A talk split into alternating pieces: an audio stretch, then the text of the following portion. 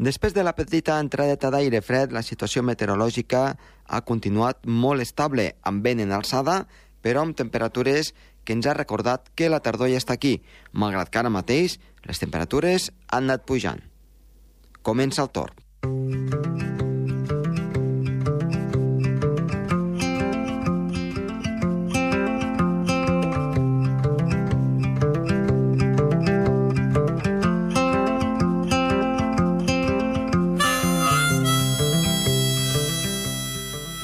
Doncs anem a començar el torn, un torn que ens portarà avui amb Gerard Tauler i Sergi Carcelés. Parlarem, entre d'altres coses, sobre el tsunami i el terratrèmol que ha passat a Indonèsia, a les illes Cèlebes, i que ha ocasionat de moments doncs, força víctimes mortals. Ho analitzarem una mica al llarg del programa d'avui, a part de la previsió meteorològica, com és habitual, i també comentarem tres notícies de l'ordre científic. Entre d'elles, atenció, escoltin bé, si seria bo que treballéssim 4 dies en lloc de 5 al llarg de la setmana. Som-hi!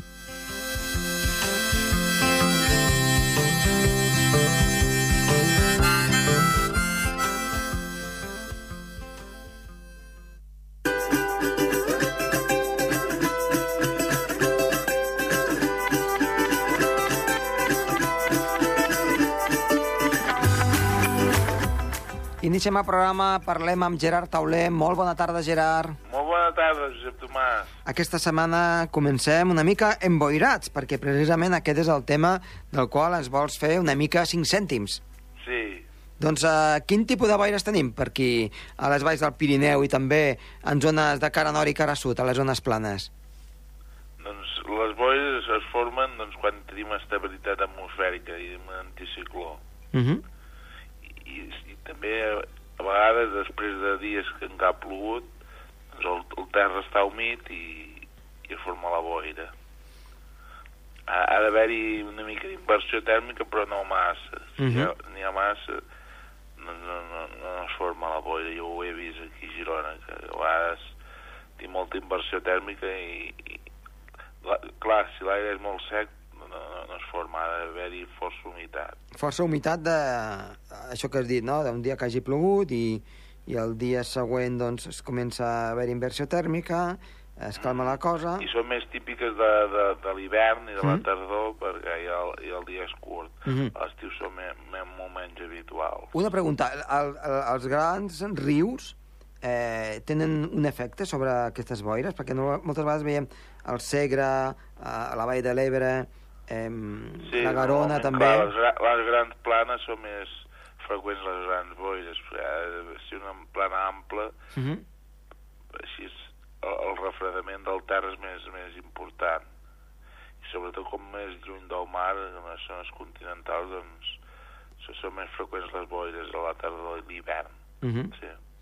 El, el tipus de boires que tenim... Al, al, al, al Pirineu, com Sí. les planes són més, més, més estretes, les valls són més estretes, les boires són normalment matinals i no, no duren tot el dia. En canvi, les zones, els grans rius, els, el Segre, a l'Ebre, es pot, poden durar tot el dia. Uh -huh.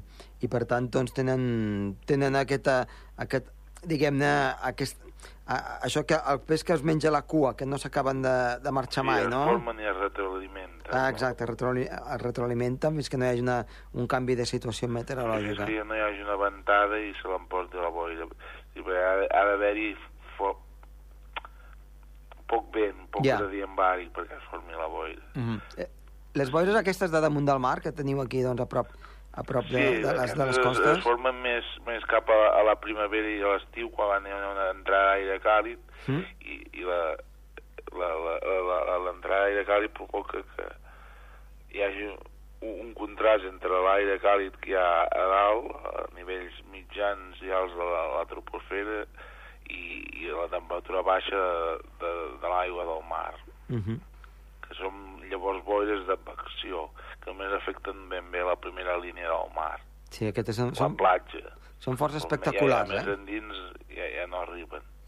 Força espectaculars, sobretot en zones que no, sí, sí, sí. no s'està... Fan, baixar la temperatura, la temperatura pot ser molt més baixa arran de platja que a l'interior. Pot haver-hi 10 o 12 graus de diferència entre Barcelona, la, platja i, i Lleida, per exemple. Uh -huh. La primavera i fins i tot alguna vegada a l'estiu s'ha produït. Uh -huh. Doncs molt bé, Gerard. Eh, molt bé. Moltes gràcies doncs, per la per l'aportació d'avui, eh, d'aquestes boires. De moment haurem d'esperar doncs, que se'n comencen a formar, però aviat, aviat ja, ja serà. Aviat se'n formaran, sí. Molt bé, moltes gràcies. Fins la setmana vinent. Adéu-siau. Fins la setmana vinent.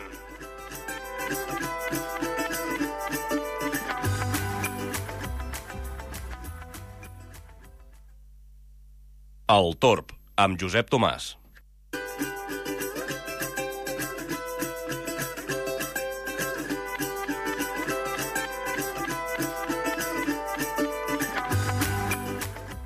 Doncs continuant amb el programa, ara comuniquem amb Sergi Carcelés. Sergi, bona tarda. Bona tarda.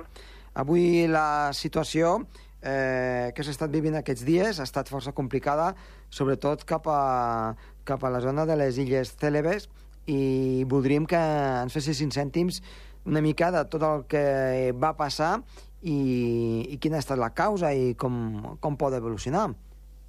Doncs mira, ha estat un cas bastant excepcional, i és que, com estàs dient, doncs, a la illa aquesta que està a Indonèsia, la illa, la illa de Celebes, doncs eh, la veritat és que ha hagut una desgràcia humana molt gran, i és que ara ja hi ha més de 800 morts en aquesta illa a causa d'un terratrèmol que després va causar un tsunami. I és que són dos fenòmens que estan altament lligats. Eh, primerament va arribar aquest terratrèmol, el principal d'ells que va ser de 7,4 a l'escala de Richter.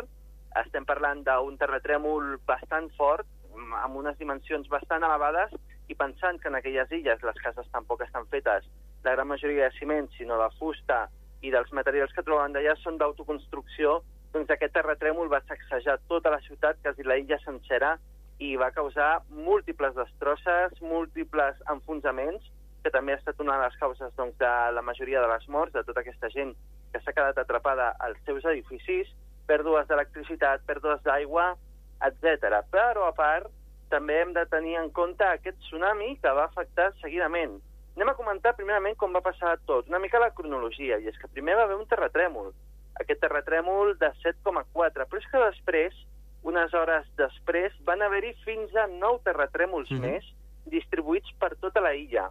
9 més, amb una escala entre 4 i 5 de magnitud. També són terratrèmols bastant forts i més que si estem pensant que si l'epicentre estava just enmig de la doncs es notava bastant. Així que podem dir que un sol terratrèmol va afectar a tota la illa amb totes aquestes rèpliques que va tenir. Sobretot hem de tenir en compte aquest terratrèmol que va aparèixer a l'extrem oest de la illa i que va afectar sobretot en la causa del tsunami. Per què? Perquè eh, es va formar en el mar, a pocs quilòmetres de, de la illa, i llavors quan es forma un terratrèmol en el mar, el que crea són unes ondes, les mateixes ondes que el que fan és destruir les cases, doncs aquestes mateixes ondes també el que fan és que el mar eh, s'alteri i crea onades molt grans. Hem de pensar que és una massa de terra que es desplaça a gran velocitat de cop, així es formen els terratrèmols, sí. i aquestes onades, aquesta energia arriba a la superfície del mar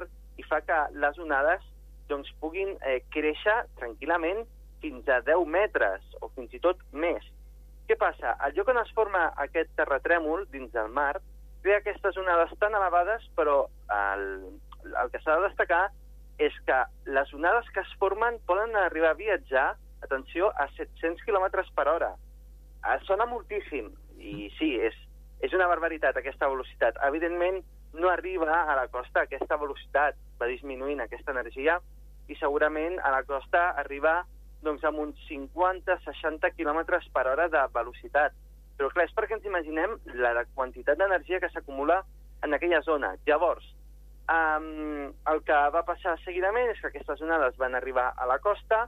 Primerament, el que va passar és que el mar va desaparèixer, alguns testics ho van dir, el mar va desaparèixer, se'n va anar mar endins, i després va tornar a aparèixer amb unes onades que van superar els 5 metres, i és que al, al principi s'esperaven que les onades arribessin als 3 metres d'alçada, però al final van arribar a 6 metres, així que bé, tota la costa del, del país va quedar afectada, i més pensant que aquell país eh, té bastant de territori que està just a nivell de mar, així que era molt fàcil que el mar pogués entrar fàcilment cap a dins. Va destruir moltes cases, també les que quedaven encara vives en aquella zona, i després també tenim algun relat d'alguna gent, com per exemple, bé, Uh, hi ha notícies que expliquen doncs, que hi havia gent, grups de gent que estaven fent celebracions just al mar i que, bé, els va sorprendre el tsunami i encara no s'han trobat aquesta, aquesta gent, estem parlant de centenars de persones, fins i tot també hi ha altra gent i ens posem una mica ja més mm, estrictes en aquest cas, i és que hi ha gent que explica que uh, hi han bastants cadàvers que estan flotant ara mateix en el mar o que estan estesos allà a la platja, perquè, bé, és això, va sorprendre a molta gent, uh -huh. el terratrèmol es va formar molt a prop de, de la illa, no va donar gaire temps de reacció i la veritat és que la, ha afectat a, a moltíssima gent. Ara, de moment, portem més de 800, però no es descarta, les autoritats no descarta que pugui superar el, les 1.000 víctimes, així que una destrossa bastant, bastant gran. Déu-n'hi-do, déu nhi déu Doncs ho anirem seguint i, i bé, eh, la natura eh, no respecta res, la natura és, és com és i l'hem d'acceptar i l'únic que podem fer és, és el que tu has dit, no? fer prevenció quan succeeixen fenòmens eh, com aquests. Doncs eh, moltes gràcies i t'esperem la, la setmana vinent. Adéu-siau. Molt bé, que vagi bé. Adéu-siau.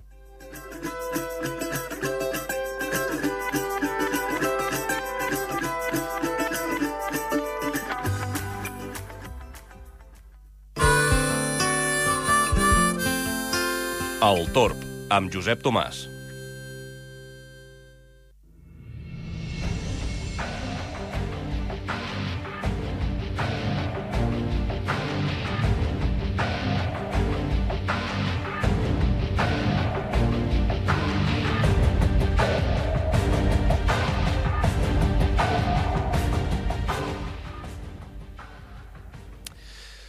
La JAXA descobreix la superfície rocosa dels asteroides. Potser sigui per la cultura de l'esforç meticulós dels japonesos o potser per altres raons, però el cas és que la seva missió espacial més atrevida i complexa està tenint un èxit enorme. Així ens ho fan saber amb noves imatges que mostren la superfície rocosa dels asteroides. Però per saber exactament a què ens referim serà millor posar-nos en antecedents. Fa tres anys, la JAXA, l'Agència Aeroespacial Japonesa, va enviar una sonda amb dos petits vehicles que aterrarien i es posarien sobre un antic asteroide de la Terra. Fa uns dies, tots els vehicles rover aterraven amb èxit sobre l'asteroide i aviat van començar a enviar les seves primeres dades i imatges, entre elles impressionants captures de la superfície de l'asteroide. Fins ara s'havia especulat amb les dades obtingudes sobre la composició dels asteroides. Avui ja ho sabem de primera mà i hem vist que són de superfície rocosa. Així s'observen en les imatges obtingudes pel rover UV de la JAXA, que ja treballa sobre el terreny. La superfície rocosa dels asteroides. La JAXA està compartint les imatges que estan arribant des del seu rover sobre l'asteroide i si bé és cert que encara no han fet un descobriment de categoria, és clar que l'èxit d'aterrar sobre aquests velosos, sobre aquestes veloses roques a 300.000 quilòmetres del nostre planeta és una fita impressionant en l'exploració espacial del sistema solar. Avui el director del projecte, Yuichi Tsuda, no és capaç d'expressar en paraules la felicitat que sent tot l'equip per haver aconseguit aquesta fita única en la història de la humanitat. Tot i així, aquesta missió està en els seus primers estadis, ja que l'objectiu no pot ser més ambiciós. El pla va ser enviar fa 3 anys una nau no tripulada, anomenada Hayabusa 2.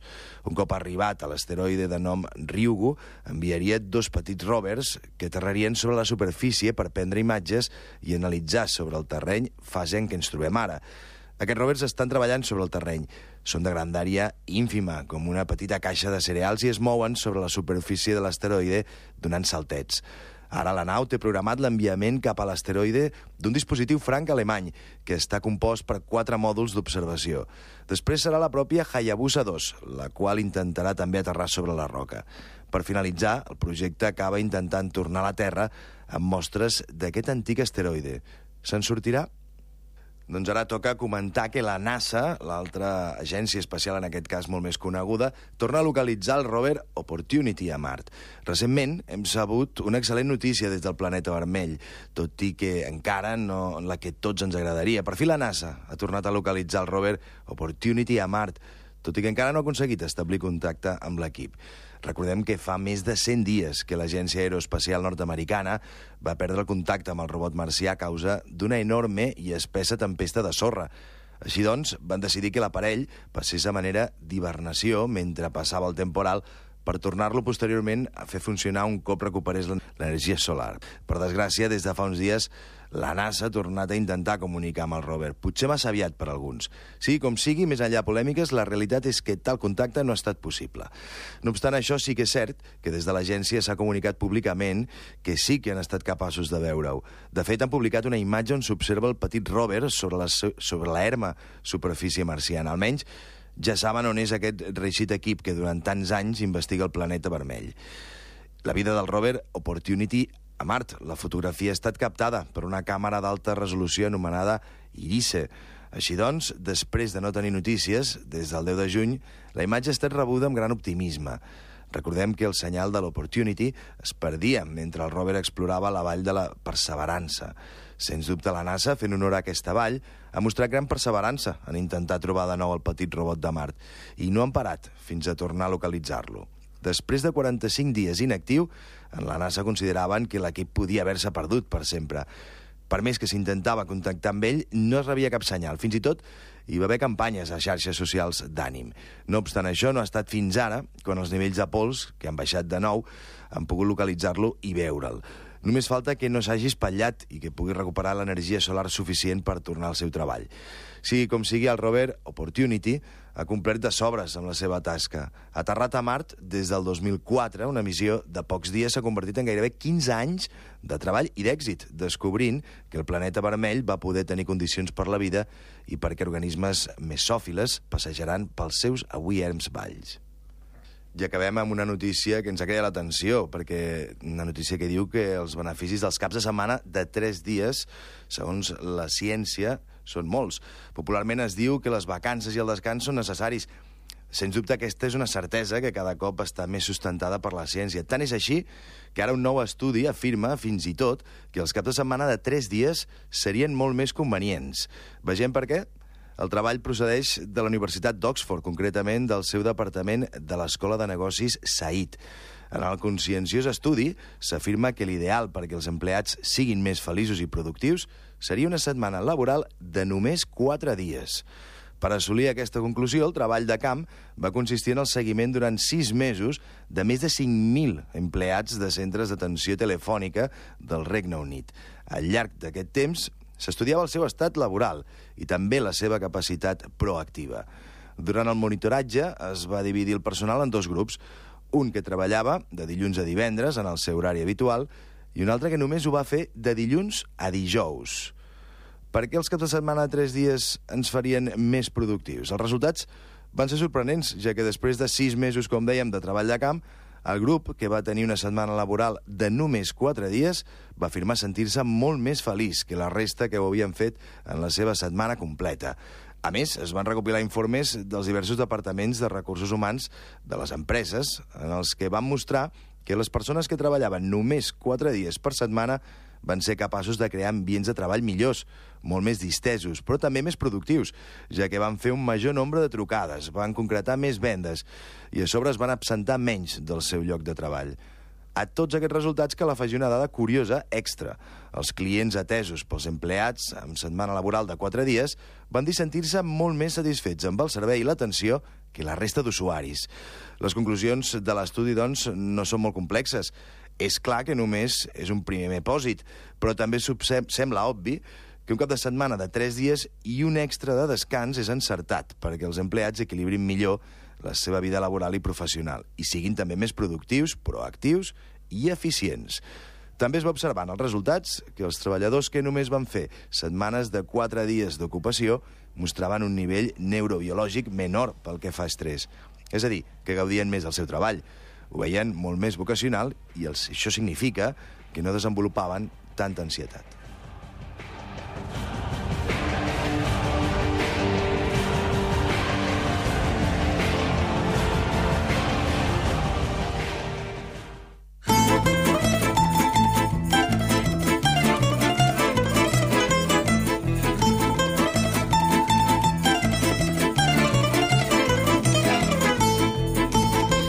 Doncs bé, després d'aquestes notícies de caire científic, a la qual agraïm al nostre company Jordi Cama que ens les hagi doncs, eh, posat en antena, eh, continuem amb el que seria ara mateix la previsió meteorològica tant pel cap de setmana com l'inici de la setmana vinent per mitja i alta muntanya. Continua un anticicló potent, un anticicló que ens va portar aire fred al principi d'aquesta setmana, a l'inici d'aquesta setmana, i eh, va fer baixar les temperatures sota zero, cap a 2.000 metres d'alçada, temperatures entre els 1 grau negatiu fins a 5-6 graus sota zero que es van, per exemple, registrar a zones elevades 2.500 a 2.600 metres. Una situació que ara ha canviat, les temperatures ja són positives, però, malgrat tot, a primera del matí ja fa més fred que no pas setmanes enrere i, per tant, haurem d'abrigar-nos a primera del matí tant per una mica d'inversió tèrmica al fons de les valls com també a l'alta muntanya. Després, al migdia, pugen les temperatures i és que els valors de les màximes cap als 2.000 metres poden arribar als 14 o 15 graus, que déu nhi amb vents fluixos, tant al llarg de dissabte com també diumenge. Potser diumenge pot augmentar una mica el vent de component sud a sud-oest. Dissabte el cel molt clar, algun núvol de tarda, poc efectiu, que no donarà precipitacions, per tant, una situació meteorològica de molta, molta tranquil·litat. I diumenge començaria a canviar una mica el temps ja darrera hora. Arribarien núvols, uns núvols que difícilment donarien cap ruixat, però sí que poden arribar a tapar una miqueta al cel o donar alguna gotellada a última hora i amb un lleuger descens de les temperatures ja al vespre, que pràcticament no el notaríem durant tota la jornada. I és que, de fet, dilluns arriba un canvi de temps, de moment no massa important, amb un descens de temperatures, un augment dels núvols que poden portar algun calter ruixat. Una situació ben normal, també, en aquesta època de l'any. Per tant, com a mínim, com diem, fins eh, diumenge una situació ben estable, assolellada, amb aquest petit canvi a la tarda de diumenge, i per tant a l'alta muntanya una situació de molta tranquil·litat, no haurem de patir massa, però sempre eh, portar tots els estrits adequats per a aquesta època de l'any, donat que a primera hora de matí fa una mica de fresca.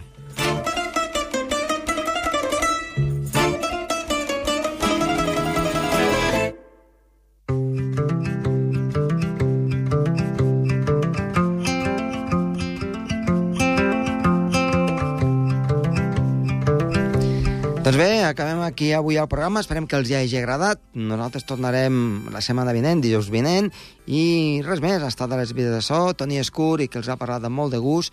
Josep Tomàs, que vagi bé.